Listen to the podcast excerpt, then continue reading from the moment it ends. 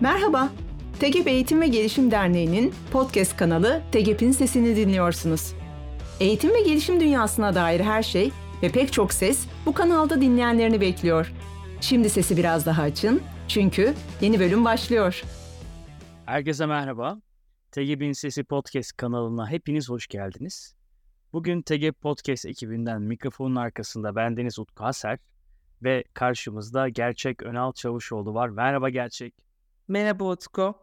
Bugün microlearning konusunu konuşacağız. Konuklarımız 90 Piksel kurucusu Muhittin Özer ve Vestel İnsan Kaynakları Eğitim Sistemleri ve Süreç Geliştirme Uzmanı Okan Yazıcı. Hoş geldiniz. Hoş bulduk. Merhabalar, hoş bulduk. Ben birazcık aslında sizleri tanımak istiyorum.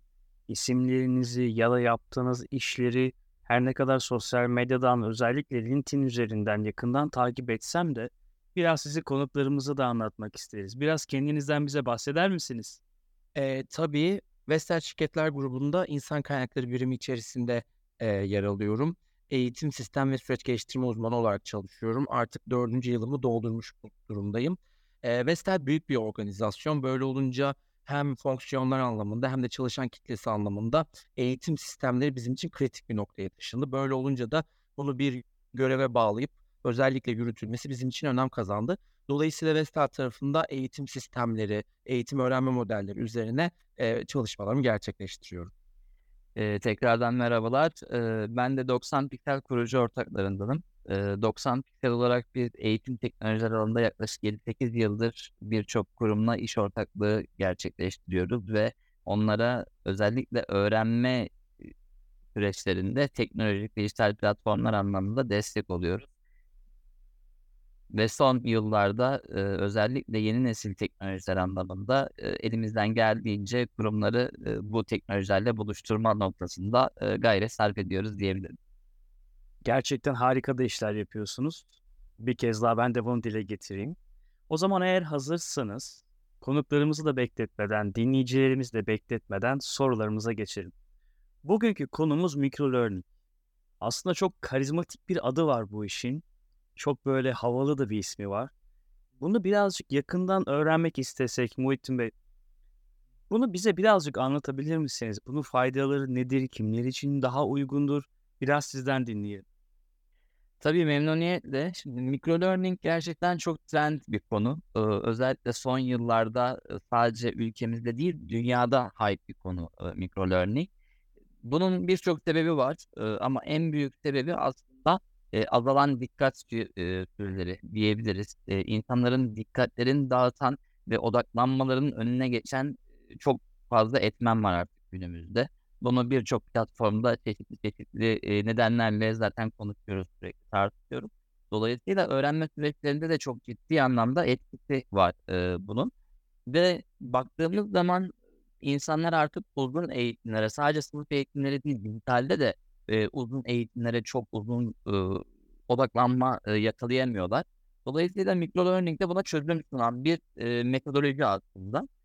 Bir konuyu mümkün mertebe küçük parçalara bölüp e, tabiri caizse lokmalar halinde e, öğrenenlere sunma yöntemi diyebiliriz.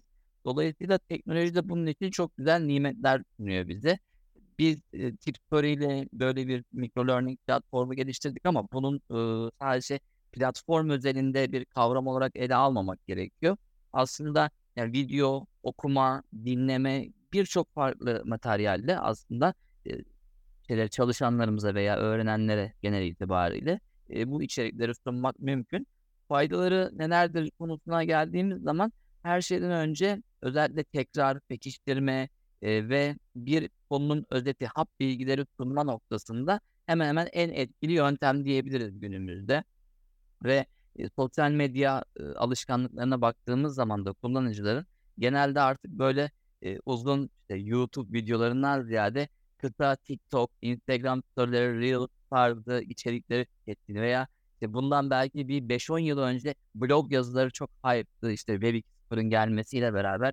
Ama şimdi tweetler işte yani 140 karakterlik, 280 karakterlik içeriklerle insanlar artık e, bilgilerini birileriyle paylaşma e, yöntemine gittiler. Dolayısıyla yani bu öğrenmeye de etkisi benzer şekilde oldu diyebiliriz. ve kimler için uygun dediğimiz zaman aslında 7'den 70'e herkes için uygun. E, ama özellikle de e, bizim e, sahada gördüğümüz şey şu e, yaklaşık yüzden fazla e, firmayla son bir yılda sanıyorum toplantı yapmışızdır. Onların dertlerini, şikayetlerini dinlemişizdir.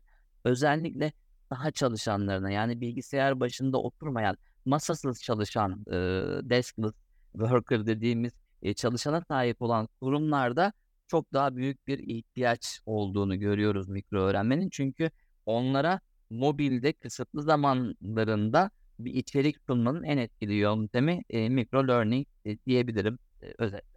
Harika özetlediniz ve bence gerçekten de büyük bir ihtiyacın üzerinde konuştunuz. Ben son zamanlarda özellikle şunu söylüyorum.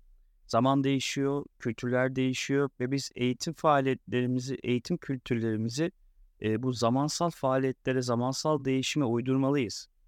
Özellikle yeni gelen oryantasyon gruplarında, yeni gelen genç arkadaşlara hala eskiden olan kültürel, sağlam ama uzun soluklu eğitim sistemlerini dayatıyorsak burada bazı sorunlar oluyor. Öğrenme kültürümüz artık onlarla aynı değil. Biz birazcık bunlarla karşılaşıyoruz.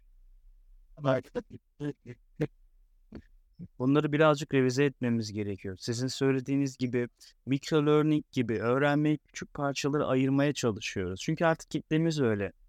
Yani insanların oturup uzunca bir eğitim dinlemeye zamanları olmayabiliyor. Onlar kendi zamanlarının içerisinde öğrenmeyi görmek istiyorlar. Biz de onların zamanlarına uydurmak, öğrenmeyi küçük parçalara ayırmaya çalışıyoruz. Peki, şimdi bu micro learning'i bir uygulayıcı tarafından dinleyelim. Okan Bey'e soralım. Okan Bey, micro learning'i uygularken ne gibi sorular, soru işaretleri, zorluklar gördünüz? Biraz da sizden dinleyelim. Ee, teşekkür ederim. Şimdi micro learning dediğimiz şey aslında felsefesi gereği bana her zaman bir girişimi açıklıyor, ifade ediyor. Bunu neden girişim olarak aslında nitelendiriyoruz? Çünkü bu zamana kadar kalıplaşmış, artık algılara yerleşmiş eğitim metotlarına, eğitim modellerine bence bir başkaldırı niteliği taşıyor. Bu yüzden de aslında birçok riski var. Biz bu modeli şirketimizde uygulamaya karar verdiğimiz zaman aslında birçok riski de değerlendirmek durumunda kalmıştık. Karşılık bulur mu? Gerçekten eğitimin niteliğini zedeler mi? Gerçekten çalışanların hem kişisel gelişimlerini hem de kariyer gelişimleri noktasında destek olabilir miyiz gibi e, birçok endişemiz vardı.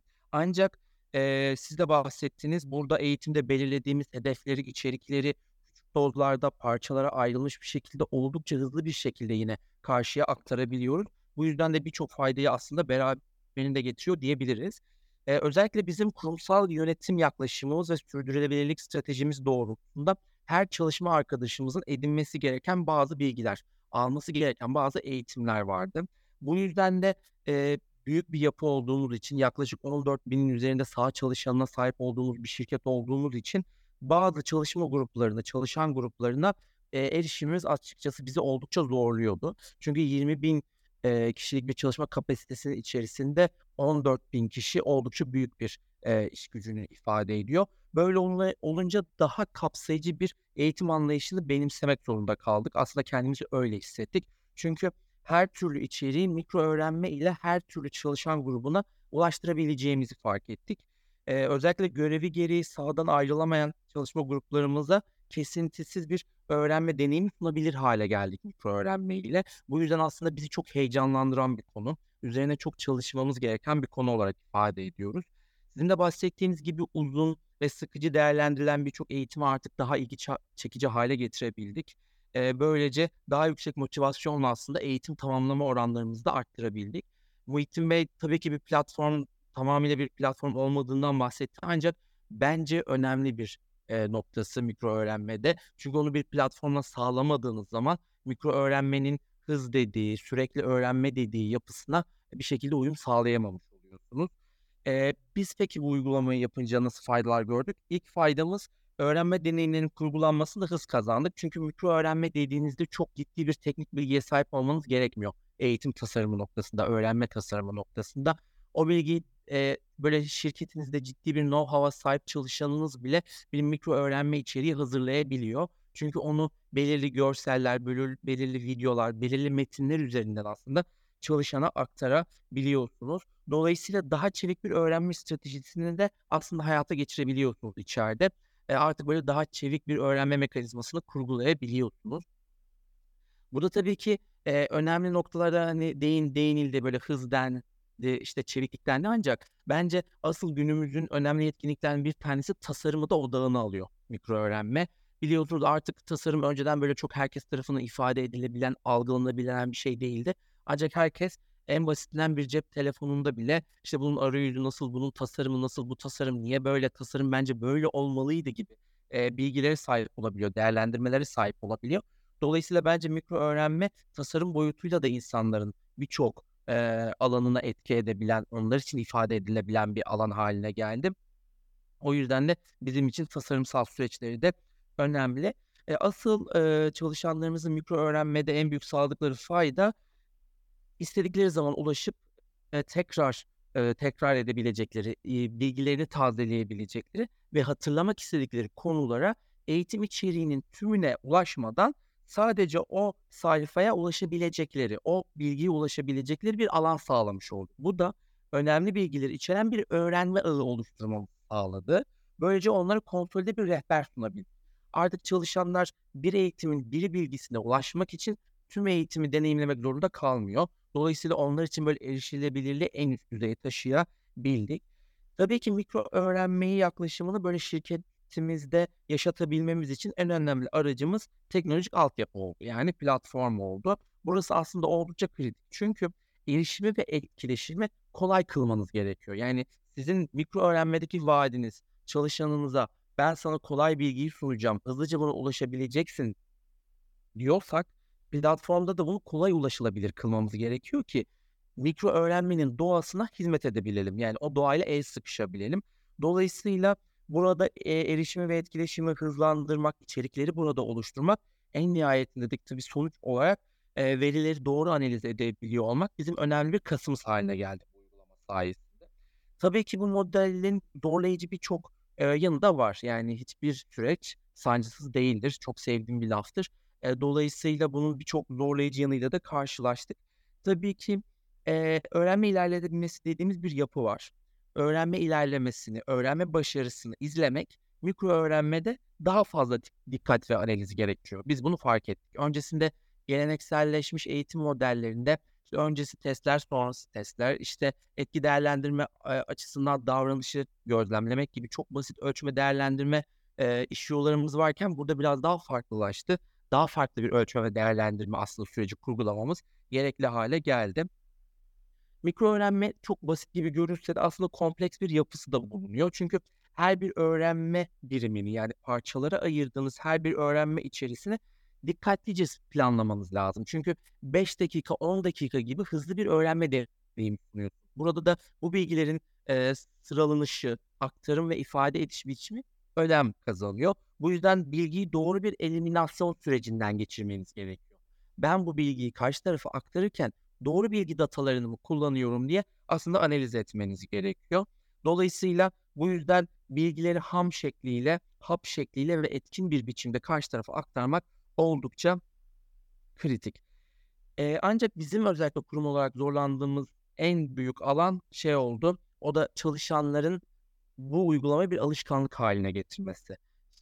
Eee, ister istemez, ııı, yıllardır süregelen öğrenme modelleri var. Bunlar firmalarda da uygulanıyor ancak daha öncesine gittiğimizde, eğitim hayatları dediğimiz üniversiteler, liselerde farklı öğrenme modelleriyle aslında bu kişilerin öğrendiklerini görüyoruz. Daha sonrasında bu bu insanları piyasaya aldığımız zaman onları da yine kalıplaşmış öğrenme modelleriyle önce tanıştırıyoruz ancak son zamanlarda önlerine bir mikro öğrenme derdi koyduk. Dolayısıyla onların alışkanlık haline getirmesi, o uygulamaya sürekli e, giriş yapabiliyor olmaları, o uygulamayı uğrak hale getiriyor getiriyor olmak bizi biraz zorladı. Orada çünkü bir alışkanlığı aslında e, yenmek zorunda kaldık. E, ancak bunu da başardık. Dolayısıyla artık e, sancılı bir süreç olsa da e, mutlu e, sonuçlarıyla, mutlu doneleriyle karşılaşıyoruz. Artık e, insanlar orayı bir uğrak noktası haline getirdi. Artık a mikro öğrenmede ne var gidip bir bakayım demeye başladı. Boş vakitlerini orada geçirmeye çabası göstermeye başladı. Çünkü mikro öğrenme dediğimiz şey sürekli yanlarında oldukları için şunu da fark ettik ve geri bildirimler aldık ki çok ilgi çekici buldukları bilgiyi evlerinde aileleriyle de paylaşıyor oldular. Dolayısıyla birbirinden öğrenme kültürünü aslında kurumlardan dışarıya da kurumlar üstü bir yapıya da e, taşımık taşımış olduk. Aslında sizi dinlerken bazı soru işaretlerim olmuştu. Bunların da birçoğuna cevap verdiğiniz çok teşekkür ediyorum. E, fakat burada sormak istediğim bir şey var. Microlearning'i bir öğrenme kültürü olarak isimlendirirsek eğer, özellikle yeni çalışanları olan, genç bir kitlesi olan, startup ruhlu şirketlerde oldukça etkili olabileceğine ben de inanıyorum. Ama Vestel gibi köklü, kültürel, oturmuş bir sistemi olan, hatta çalışanları uzun yıllardır orada olan bir şirkette çalışanlardan ne gibi tepkilerle karşılaştınız? Yani bu sistem onlara garip geldi mi? Kültürlerini değiştirmek, geliştirmek istediler mi? Benim son bir sorum size. Tabii ki her değişim gibi microlearning modelinin içeriye alınması da bir direnci beraberinde getirdi tabii. İlk olarak e, insanların bu modele inanması bizim için önemliydi. Tabii ki çalışanlardan önce yönetimimizi inandırdık. E, sağ olsunlar bu konuda oldukça çağdaş bir görüşe sahip oldukları için onları ikna etmek zor olmadı ama çalışanların alışkanlığı noktasına getirmek az önce de bahsettiğim gibi bizi biraz zorladı. Ancak şu an bu saatte e, çalışanların mikro öğrenme konusundaki algıları oldukça önemli e, ve olumlu. E, neden? Artık tabii ki onun avantajlarını e, yaşıyor hale geldiler.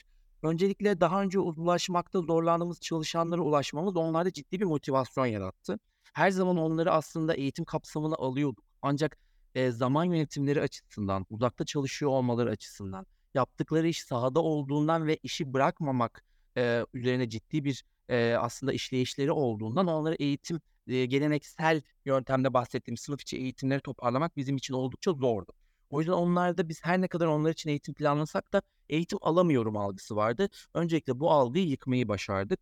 Çünkü kendilerini artık daha değerli hissetmeye başladılar. Onlar için bir şeylerin düşünüldüğünü fark etmeye başladılar. Ve tabii ki kariyer gelişim süreçlerinde destekli, desteklendiğini hissettiler. Ee, burada e, daha önce dediğim gibi onlar için planlanan eğitimlere katılmamaları bir mutsuzluk duygusu yaratıyordu. Artık bu duygu yerini neye bıraktı? Başarma duygusuna bıraktı. Çünkü eğitimleri tamamlayabiliyor olmak, bu kadar hızlı bir sürede eğitim alabiliyor olmak onlarda da bir başarı duygusunu aslında beraberinde getirdi. Faydalı içerik tüketmeye başladılar. Yani dediğim gibi az önce de bahsettiğim gibi eliminasyonla hap bilgiyi doğru kişiye doğru yerde doğru zamanda aktarıyor olmak onların aslında faydasına bir algı yarattı. Ee, mikro öğrenme de aslında bir tüketim işi. Yani hepimiz biliyoruz tüketim çağındayız. Her an her şeyi tüketebiliyoruz. Aslında onlar da bu sayede e, bilgileri tüketmeye başladılar. Ben faydalı bilgi tüketiyorum düşüncesi en nihayetinde firmama faydalı oluyorum düşüncesinde aslında doğurdu. Dolayısıyla öğrenme süreçlerine bakışlarını, algılarını biraz değiştirdik. Önceden daha sıkıcı buldukları zaman alıcı buldukları eğitimlere daha dikkat çekici bir hale getirdik. O yüzden de artık daha olumlu bakıyorlar eğitim süreçlerine. Öğrenme tercihlerini de tabii ki değiştirdik. Çünkü artık insanlar ikinci bir yol sunmuş olduk. İkinci bir tercih sunmuş olduk. Böyle olunca tercihlerini daha çok mikro öğrenme yoluyla aslında e, sağlamaya, kapatmaya başladılar. Bu yüzden de öğrenme yönteminde daha talepkar oldular. Bu bizim için oldukça e, olumlu bir durum, istediğimiz bir durum. Çünkü gelişimi bu şekilde tetikleyebiliyoruz. Çünkü e, kolay yöntemlerle aslında bazı bilgileri öğrenebileceklerini de anlamış oldular. E, dediğim gibi aslında en çok e, bizim zorlandığımız nokta bu uygulamayı başta kabul ettirmek ve alışkanlık haline getirmek oldu. Burada böyle algılarını yenmeye, inançlarını değiştirmeye çalıştık. Bu biraz zamanımızı aldı. E, bunun için çok çaba sarf ettik. İç iletişim kullandık, iç pazarlama yöntemlerini hayata geçirdik ve tabii ki sıkıca takip ettik süreçlerini ki. Çünkü burada bir yatırım da söz konusu. İki yönlü bir yatırım. Hem mali yatırım hem de tabii ki e, harcanan çaba noktasında manevi bir yatırım. Bu yatırımı e, içeriye döndürmek bizim için önemliydi. Bu yüzden takip de bizim en önemli aracımız haline geldi. E, ancak e, az önce de bahsettiğim gibi artık çalışanlar e, hızlıca içeriye girip eğitimini tamamlayabiliyor. Örneğin geçtiğimiz salı günü bir eğitimi devreye aldık. Bir gün içerisinde 2300 kişi erişim sağladı. Ben o insanları sınıf içinde toplasaydım ve bir saatten eğitim verseydim 2300 kişiye bir gün içerisinde eğitim veremezdim. Ancak e, bu uygulama sayesinde, bu dijital platform sayesinde bunu sağlayabildim. Gerçekten dinleyince hayran oldum çalışmalarınıza. Biraz önce bir söz söylediniz. Dediniz ki biz Vestel olarak bu işi bir yatırım yaptık. Şimdi yatırım deyince bazı soru işaretleri hatta bazı e, korktuğumuz şeyler geliyor akıllarımıza. Bunlardan bir tanesi bu işin maliyeti. Yani Vestel gibi büyük bir firma buna yatırım yapmış. Çok da güzel geri dönüşlerini almış ama aynı zamanda TGB'nin içerisinde her portföyden, her ölçekten şirketler var. Bu birazcık göz korkutuyor mu? Yani bu işin faydası ve maliyeti ne oldu? Bize bize birazcık bahseder misiniz? E, mikro öğrenme içeriklerini hazırlamak e, geleneksel eğitim içeriklerine kıyasla asla daha düşük maliyetli ve daha hızlı. Dolayısıyla siz istediğiniz anda istediğiniz konuyla ilgili küçük ölçekte bir içerik hazırlayabiliyor oluyorsunuz. Ancak tabii ki bu işin de bir maliyeti var. Burada maliyeti oluşturan dört ana unsurdan bahsedebiliriz. Bunlardan ilki içeriklerin temini. E, içeriği hangi e, yollarla kimden alacağınızla ilgili bir durum aslında. Diğeri öğrenmeyi tasarlayacak kişi yani öğrenme tasarımcısına ayırdığınız maliyet. Diğeri teknolojik altyapıya ayırdığınız maliyet ve tabii ki eğitim uygulamaları için içeriği tasarladığınız, görselleri oluşturduğunuz programlara ödediğiniz lisans ve abonelik maliyetleri. Şimdi bu maliyetler evet e, ana çerçeveyi oluşturuyor ancak içine girdiğimiz zaman bu maliyeti nasıl yöneteceğiniz size kalmış. Örneğin içerik temini nasıl ve hangi yolla yapacağınız e, burada maliyet için belirleyici dedik. E, içerikleri dış eğitmenlerden ve profesyonel kurumlardan mı almayı tercih ettiğinizle aslında e, oldukça ilişkili. Eğer içi eğitmenlere sahip bir kurumsanız maliyeti düşürmek hatta ortadan kaldırmak sizin elinizde oluyor.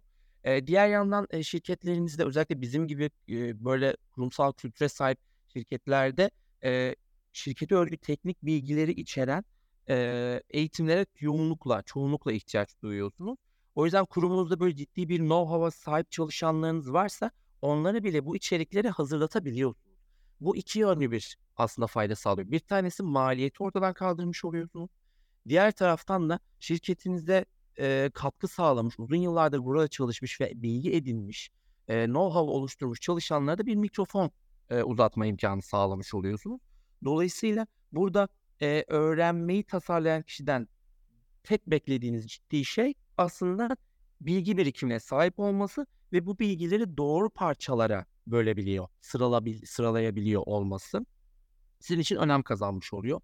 E, bu teknik çalışanı asıl e, en çok challenge'a sürüklediğiniz alan görsel tasarım. Yani şimdi mikro öğrenme dediğimiz şeyde görsellik oldukça önemli. Siz metinlerle bir mikro öğrenme süreci aslında tasarlarsınız ancak ne kadar tasarlarsınız bir tartışma noktası. Ee, eğer ki sadece metinlerden oluşan bir mikro öğrenme tasarlayacaksanız bunun için ciddi bir çabaya gerek yok. Mailing yöntemleri var. Bunları uyguluyor olabilirsiniz. Ancak ne zaman o işin içine video koyuyorsunuz, ne zaman görselleştiriyorsunuz, daha o zaman akılda kalıcı bir içerik üretmiş oluyorsunuz ve kurum kültürüne bence daha fazla katkı sağlamış oluyorsunuz. O yüzden burada eğitimi tasarlayan kişiden aslında beklediğiniz en büyük yetkinlik tasarlayabilme becerisi. İşte burada maliyet burada ortaya çıkıyor. Siz bu teknik bilgiye sahip kişiye mi tasarlatacaksınız yoksa hayır ben sırf öğrenme tasarımcısı istihdam edeceğim ya da öğrenme tasarımını dış bir firmadan outsource mu alacağım diye baktığınız zaman burada maliyeti yine değiştirme aslında sizin elinizde. Ee, eğitim tasarımcısının eğitim içeriklerini ya da içeriklerin görselleştirmesi sahip olduğu programları ödediği bir lisansta olabilir. Yani siz bazı platformlar var e, ki e, aslında bizim platformumuz da öyle. İçeriği uygulama içinde görselleştirebiliyor. Böyle olunca dış bir ya da ikinci bir uygulamaya ihtiyaç duymuyor oluyorsunuz. O yüzden de lisanslama ve abonelik maliyetini de ortadan kaldırabiliyorsunuz. Ancak siz diyorsanız ki benim teknolojik altyapım içeriği içeride üretmeme imkan sağlamıyor. Sadece yayınlamaya imkan sağlıyor diyorsanız o zaman yine bir maliyet. E, ancak dediğim gibi teknolojik altyapıyı e, içeriği de içeride üretebileceğiniz şekilde alırsanız yine maliyeti düşürebiliyorsunuz aslında. Yani bu üç maddede içeriğin temini konusunda, öğrenme tasarımcısının kim olacağı noktasında ve teknolojik altyapı konusunda yani içeriği görselleştirdiğiniz e, programlar konusunda tercihleriniz bu üç alandaki maliyeti ortadan da kaldırabilir. Tercihlerinize göre katlanabileceğiniz bir maliyeti de ortaya çıkarabilir. E, ancak burada bence dör, bu maliyet ekseninde dördüncü maliyet dediğimiz teknolojik altyapı yani platform maliyeti sizin tek maliyet noktanızda olabilir. Bu tamamen e, size kalmış. Hani burada yöntemleri nasıl akıllıca kullandığınızla çok ilişkili bir durum. E, burada tabii ki platform devreye almak siz bence bizim için hayatiydi. Çünkü o içeriği e, 20 bin çalışana nereden, hangi kanalla nasıl kolaylıkla uğraştırabileceğim bizim ilk sorumuzdu. ilk sorunumuzdu. Üzerine düştüğümüz ilk meselemizdi. Dolayısıyla oraya bir e, lisanslama ücreti ödüyoruz maliyet noktasında. Dolayısıyla asıl ana maliyeti burası kapsıyor. Ancak sizin de bahsettiğiniz gibi fayda maliyet noktasında buraya yapmış olduğunuz yatırım en sonunda hiçbir gözü korkutmuyor. E, çünkü e, bakıyorsunuz eğitim sayılarım nereye gelmiş. E, eğitim alan kişi sayım ne kadar yükselmiş. Eğitim katılımını ne kadar arttırmışım. Eğitim süremde nasıl bir yükseliş olmuş. Bu sayılar o kadar yükseliyor ki bu mikro öğrenmeyi içeriye aldığınızda. Dolayısıyla maliyet bence görmezden e, geliyorsunuz. E, ROI dediğimiz şey aslında fayda maliyet analizinde ROI ölçeği e, çok değişmemekle birlikte aslında kurumların kriterlerine göre yakından da değişebiliyor. Yani burada e, öğrenme hedefleriniz neler? Bunları doğru kurgulamanız gerekiyor en başta. Öğrenme hedeflerime bu uygulama doğru etki ediyor mu? Hedeflerimi başarıyla hayata geçirmemi sağlıyor mu? Aslında ROI ile ilk karar vermeniz gereken nokta bu. Diğeri az önce bahsettiğim katılım ve tamamlama oranları. Bizim tarafta bu katılım oranları, tamamlama oranları o kadar yükseldi ki biz bu maliyeti gerçekten hiç e, konuşmuyor noktaya geldik. Çünkü gerçekten çok ciddi fayda görüyor olduk. E, burada e, çok ciddi zaman tasarrufu sağlıyoruz. Dediğiniz gibi e, geleneksel yöntemdeki sınıf içi eğitimlerde ya da e, diğer platformlar üzerinden sağlanan sanal sınıflardaki eğitimlere göre e, çok ciddi zaman tasarrufu sağlıyorsunuz. Kişileri oraya toplamak zorunda kalmıyorsunuz. E, kişileri işlerinden koparmak zorunda kalmıyorsunuz.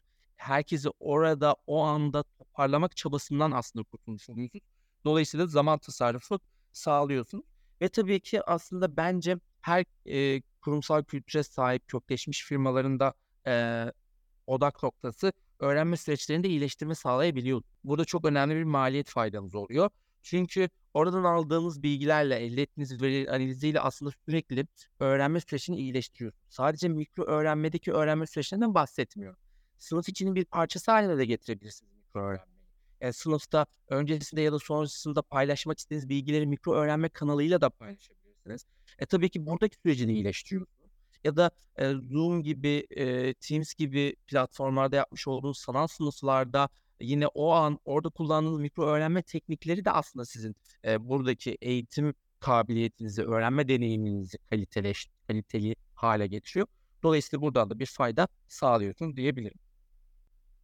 Böyle konunun derinine indikçe çok da güzel şeyler ortaya çıkıyor. E, açıkçası bende de canlanmaya başlıyor bazı şeyler bu micro learning dediğimiz yöntemin, kültürün büyük de bir faydası var. Yani köklü firmalarda, bir kültürü oluşmuş firmalarda var olan kültürü geliştirirken yeni kurulmuş startup ruhlu gençlerin olduğu şirketlerde de aslında öğrenmeyi kolay başlatan bir yönteme doğru gidiyor. Oldukça da etkili. Ee, bunu zaman zaman biz de kullanmaya başladık. Şu anda da e, kullanımını arttırıyoruz. Çünkü şurada çok işe yarıyor. Biz genelde akademilerde eğitmen ne zaman eğitime hazırsa, sistem ne zaman uygunsa eğitimleri o zaman yapıyoruz ama katılımcıları sormuyoruz siz ne zaman hazırsınız diye. Aslında gelişmesi gereken yöntemlerden bir tanesi de sanırım bu sanırım buydu. Yani e, çalışanlar eğitime ne zaman hazır? Kim nerede öğrenmeyi seviyor? Bir kişi metroda giderken bir konuyu öğrenebiliyor mu? Yolda e, araba sürerken öğrenebiliyor mu? e, otobüste otururken öğrenebiliyor mu? Aslında microlearning buralarda da çok işe yarıyor. Yani hayatımızın içindeki o küçük boşluklara öğrenme faaliyetlerini kolaylıkla yerleştirebiliyoruz. Bu oldukça da güzel geri dönüşü olan bir sistem. Peki tam da burada sormak istediğim bir şey var. Biliyorsunuz bizler genelde LMS ya da LXP gibi sistemler kullanıyoruz. Biz microlearning çalışmalarını bu sistemlere kolaylıkla entegre edebiliyor muyuz? Bunu bir sormak istedim sizlere. E, şimdi şöyle ki e, micro learning dediğimiz e, kavram olarak ele aldığımız zaman micro learning'i aslında her türlü yapmak mümkün. Her platformda bir şekilde yapmak mümkün. Az önce Okan Bey'in e, verdiği örneklerde de geçiyordu. Yani yeri gelir bunu mailing olarak bile yapabilirsiniz bazı şeyleri. Burada hani e, niyetin önemli olduğu kadar tabii ki platformlar bize neler sağlıyor. Bu da e, bir o kadar önemli. Burada biz özellikle e, iş ortağı olduğumuz kurumlarda sunduğumuz çözümle aslında e, hiçbir platforma ihtiyaç duymaksızın micro learning yapabilmeyi sağlıyoruz. Sadece bizim sağlamış olduğumuz micro learning platformu başka hiçbir platforma ihtiyaç duymadan hiçbir kullanıcıların cep telefonuna ya da cihazlarına bir şey indirmelerine gerek kalmadan yeni bir kullanıcı adı şifre e, ye ihtiyaçları kalmadan yani aslında diyorsunuz yani hayatımıza birçok farklı uygulama girdi. Bu zaten e, genel olarak özellikle pandemiden sonra tüm kurumların büyük derdi. Bununla alakalı da e, çözümler sunuyoruz ama bu başka bir oturumun konusu olsun. Bugün e, oraya girmeyelim hiç. Biz micro learning tarafında e, özellikle e, şunu sağlamayı hedefliyoruz. Yani madem hedefimiz 7'den 70'e tüm şirkette özellikle e, masasız çalışan insanlara da ulaşabilelim. Herkese ulaşabilelim diyorsak buna e, burada kullanıcıya sunduğumuz deneyimin de çok üst düzey olması gerekiyor. Yani her an her yerde işte bir çay molasında, bir kahve molasında veya işte bir servisteyken yolculuk esnasında kolayca tüketebilir olmalı. Yani işte ben telefonuma bir şey indireyim, oradan kullanıcı adı şifrem olsun, onu hatırlayayım vesaire. Burada hitap ettiğimiz kullanıcıların hepsinde bunları sağlayabilmek çok zor. Zaten aslında e, bizim birçok firmadan dinlediğimiz dertlerin o saha çalışanlarına ulaşamama e, sebeplerinin başında da bunlar geliyordu. Yani e, ofis çalışanlarında bunları organize etmek kolay. Çünkü ofis çalışanlarının her birinin bir e, kurumsal e-postası var. İşte single sign-on metotlarıyla e, birçok platforma şifresiz giriş yapma imkanları var vesaire. Ama biraz daha sahada çalışan e, işte satış personelleri olur, mağazacılık, perakende sektörü olur, lojistik sektörü olur. Yani çok artırabiliriz bunun örneklerini. Bu firmalardaki çalışanların böyle imkanları çok fazla olmuyor. Özellikle ulaşmak istediğimiz insanlara. Buna da çözüm üretmek gerekiyordu. Tabii ki burada LMS'lerle, LXP'lerle entegrasyon imkanları önemli. E, ofis çalışanları için bunları da sağlayabilmek değerli. Bunları da e, çalıştığımız kurumlarda sağlıyoruz ama e, daha önemli olan işte o Okan Bey'in az önce anlattığı tüm o hikayede e, çalışanlara hızlı bir şekilde kompleks olmayan yöntemlerle ve demografik olarak da 7'den 70'e herkese e, ulaşabilmekti bunu aslında başarıya götüren e, belki e, sırrı yani o platformu e, bu şekilde uygulayabilmekti. Dolayısıyla orada işte cep telefonuna gelen bir SMS'teki linke tıklamak veya işte mail kullanan bir e, kullanıcı grubuysa maille gelen bir linke tıklamak ve platform bağımsız, cihaz bağımsız her yerde bu içeriği açabiliyor olmak ve sonrasında da yine kullanıcı deneyimi olarak bir sunduğumuz uygulamada şunu sağlıyoruz. Instagram storyleri formatında micro learning içerikleri, içerikleri sağlıyoruz. Bunu neden e, tercih ettik? Çünkü bugün 7'den 70'e herkes Instagram'da story tüketiyor. Veya işte WhatsApp'ta story tüketiyor. İşte YouTube Shorts tüketiyor. TikTok, Reels yani artık e, hani 4-5 yaşındaki çocuklardan neredeyse kundaktaki çocukların eline girecek e, seviyeden başlıyor. Yani 60-70 yaşlı yaşındaki insanların da e, kullanım deneyiminde ne o geleneksel diye tabir edeceğimiz neslin dahi e, kullanım alışkanlıklarına uyan bir deneyim. Dolayısıyla bu işte e, erişim kolaylığı, ulaştırma kolaylığı, hız aslında buradaki en önemli etmen ve e, işte her yerden e, sürekli ulaşılabilir olması dediğim gibi e, en önemli etken az önce sizin de dediğiniz gibi yani kullanıcı hazır mı acaba bu eğitimi almaya? Herhangi bir anda yani e, T anında diyebiliriz. E, kullanıcı bunu tüketebilir. O an tüketmek zorunda değil veya daha önce kendisiyle paylaşılmış micro learning içeriklerine e, herhangi bir şekilde platform bağımsız bir şekilde ulaşabilir. Ya, hedefimiz buydu aslında bizim de ürün geliştirirken. Dolayısıyla bu noktada da birçok farklı kurumda yani Okan Bey bugün Vestel'deki tecrübelerini anlatıyor ama biz işte perakende sektöründeki iş ortaklarımızda da benzer durumları görüyoruz. İşte örnek veriyorum işte bir market zincirindeki bir e, iş ortağı olan kurumumuz işte kasap reyonu çalışanlarına, manav reyonu çalışanlarına özel mikro learning içerikleri gönderdiği zaman yani o çalışan reyondayken daha o bilgiyi tüketebiliyor. Çünkü yani dakikalar belki bazen bazı şeyler saniyeler içerisinde tüketilebilecek içerikler dahi olabiliyor.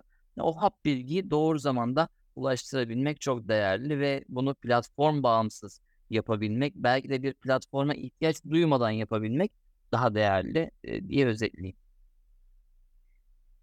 Okan Bey, peki bu işe nereden başlamalıyız? Yani bu işi yapmak isteyen akademiler, şirketler ilk adımı ne olmalı?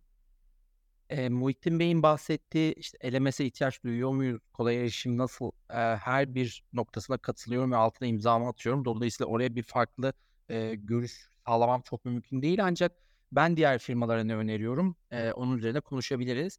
Aslında ilk adım olarak mikro öğrenme uygulamaları kullanarak ne tür sonuçlar elde etmek istediğinizi ortaya koymak zorundasınız. Çünkü modelin amacıyla sizin amaçlarınızın örtüşmesi çok önemli. Hangi çalışan gruplarına mikro öğrenme uygulamayı sunmayı planlıyorsunuz? Evet, her çalışan grubu için bu uygulama uygun. Hiçbir sıkıntı yok. Herkese uygulayabilirsiniz ancak, eee, hedef kitle açısından ve sizin öğrenme stratejiniz açısından bir paralelliğin de ortaya konması gerekiyor. Teknolojik altyapının hazırlanması bence en kritik süreç. Çünkü mikro öğrenme uygulamaları sunmak ve gerekli teknolojik altyapı yani platformu oluşturmak, eee, burada ana adımlardan bir tanesi. Platformun tasarımı ve uygulama arayüzü, eee, burada oldukça önemli. Çünkü mikro öğrenmenin aslında 2 vaadi var. Birisi hız, birisi sürekli öğrenme. Siz buradaki arayüzü kolaylaştırmaz ve erişimi basit hale getirmezseniz bu 2 vaadi zaten sistem dışı bırakmış oluyorsunuz. Eee, mikro öğrenmenin doğasına karşı çıkmış oluyorsunuz. Ben hızlı öğrenmeni vaat ediyorum ancak bunu çok yavaş bir şekilde erişim sağlayabilirsin. Erişim sağlarken sıkıntılar yaşam yaşayabilirsin dediğimiz anda aslında başta belirttiğim ad adımdan yani, eee, amacı ortaya koymaktan da aslında uzaklaşmış oluyorsunuz. Emm mikro uygulamaların aslında mikro öğrenme uygulamaların etkinliğini ölçmek bence en büyük challenge'lardan bir tanesi. Çünkü alışık olduğunuz ölçme ve değerlendirme süreçlerinin dışına çıkarak yeni bir ölçme ve değerlendirme süreci inşasını gerektiriyor mikro öğrenme. Eee, çünkü oranın dinamikleri oldukça farklı. Bu dinamikleri göz ardı edemezsiniz. Eee, dolayısıyla artık ölçüm yönetime şunu söylediğim zamanlar oldu. Biz bu modelde bunu ölçmüyoruz ya da burayı bu şekilde ölçüyoruz. Ve onlar da sağ olsunlar hızlıca kabul edebildiler. Sizin bu challenge'a hazır olmanız bence önemli. Eee, burada, eee, öğrenme başarısı dediğimiz bir yapı var. Yani kişinin o mikro öğrenmede parçaladığımız bilgileri doğru adımda, doğru zamanda ve doğru yerde öğreniyor olması ve bir sonraki öğreneceğiyle ya da bir önceki öğrendiğiyle bağdaştırıyor olması çok önemli. Burada demiştik, hani, eee, bu sistemin en büyük avantajı aslında parçalara bölmek ancak bu böldüğünüz parçaları doğru bir bağlamla çalışana sunmanız gerekiyor. Böldüğünüz parçaları bildirim birbirinden bağımsız bir şekilde kurgulamanız, eee, sizi tabii ki başarısızlığa götürüyor. Dolayısıyla burada, eee, öğrenme başarısı dediğimiz şey ve çalışanlardan aldığımız geri bildirimler, eee, önemli faktörler. Ölçme ve değerlendirme kurgunuzda bunlara ağırlık vermeniz gerekiyor aslında. Mikro öğrenme uygulamaları bence, klasik öğrenme yapısından gelen herkes için yeni. Biz bunu yeni jenerasyon diye de aslında ayırmamız çok mümkün değil. Çünkü onlar bile aslında belli bir üniversite öğreniminden geliyorlar. Dolayısıyla bu uygulamayı teşvik, eee, kullanmaya teşvik etmeniz gerekiyor ki yatırımınızda faydaya dönüşebilsin, eee, çalışanlar tarafından karşılık bulabilsin ve kurum kültürünüzde önemli bir motif hâline gelebilsin. Burada ödüllendirme sistemleri kullanılabilir ya da rekabetçi unsurlar ekleyebilir. Böylece uygulamaya katılımı arttırabilirsiniz. Uygulamayı kabullenişi aslında destekleyebilirsiniz. Eee, mikro öğrenme içeriklerini sürekli olarak gözden geçirmeniz gerekiyor. Neden gerekiyor? Çünkü mikro öğrenme çok güzel bir kas geliştiriyor size. O da nedir? Bilgiyi güncelleme. Şimdi LMS dediğimiz yapılarda, SCORM 2004 yazılımlarda kurguladığınız ve çok ciddi maliyetlere katlandığınız bir öğrenme yapısı var. E, şimdi o yazılım öğrenmelerinde, eee, kurgulatıyorsunuz, senaryoyu yazıyorsunuz, görselleştiriyorsunuz, seslendirme yapıyorsunuz. En nihayetinde evet, çok güzel bir eğitim ortaya çıkıyor. Ancak o eğitimdeki değişen bilgiyi güncellemek size yeni bir maliyet kazandırıyor. Bizim kullandığımız uygulamada yani Tipstore uygulamasında oradaki bilgiyi anlık olarak değiştirebiliyoruz ve o linki anında yükleyebiliyoruz. Dolayısıyla çok ciddi, çevik bir eğitim mimarisi de kurgulayabiliyoruz. O yüzden aslında mikro öğrenmede kullandığınız, hani, kişisel gelişim, yönetsel gelişim eğitimlerinde belki bilgilerin değişme hızı bu kadar, eee, yoğun değildir, bu kadar yüksek değildir ancak teknik bilgilerde değişme hızı bazen bir geceye bakıyor. Bunu her bir firma yaşıyordur diye düşünüyorum. Dolayısıyla sürekli değişen ve güncellenen bilgileri hızlıca devreye almak ve çalışanlarınıza ulaştırmak için mikro öğrenme inanılmaz bir yol. O yüzden burada içerikleri güncel tutmanız ve, eee, kullanıcı deneyimlerini sürekli geliştiriyor olmanız önemli. Diğer yandan kullandığınız teknolojik altyapıyı da güncellemek zorunda kalıyorsunuz. Hatta Muhittin Bey'i sürekli böyle eee, beyleri sürekli böyle 90 piksel firmasını sürekli bir challenge'a tabi tutuyoruz. E, onlar da sağ olsunlar hızlı cevap verebiliyorlar yapıları gereği. Onlar da bize hak veriyor aslında. Evet diyor buradaki ihtiyaç değişmiş dönüşmüş bunu hemen devreye alalım diyor. Ancak e, İK'cı gözüyle de firma gözüyle de baktığınız zaman e, ne kadar teknoloji altyapı önemliyse diğer önemli bir unsur içerikleri üretecek, içerikleri yönetecek ve içeriklerin sonuçlarını analiz edecek ekibi oluşturmak. Burada içerik oluşturucuları, eğitim tasarımcılarını ve sistem uzmanları arasında etkili bir takım oluşturmamız gerekiyor. Bu farklı yetenekleri bir araya getirmek ve yönetmek anlamında oldukça önemli.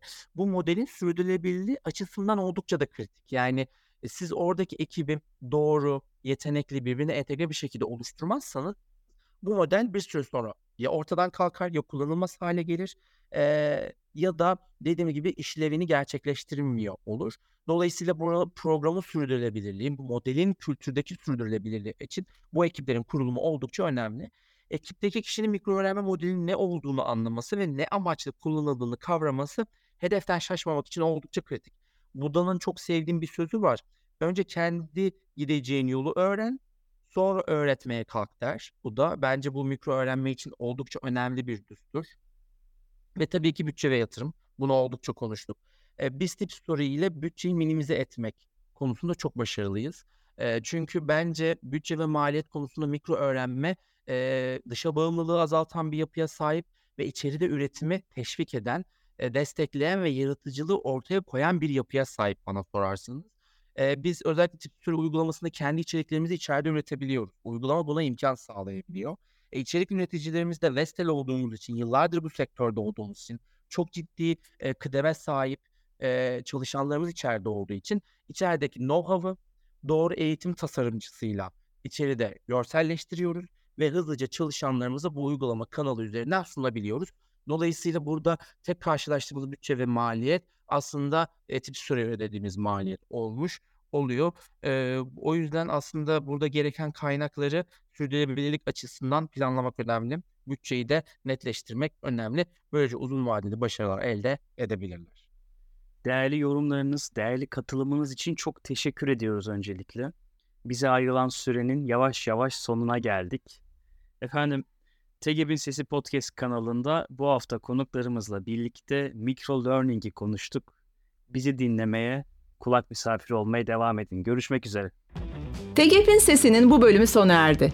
Sesimizi çoğaltmak için sen de podcast'imizi paylaş, daima gelişimin paydaşı ol. Hoşçakal.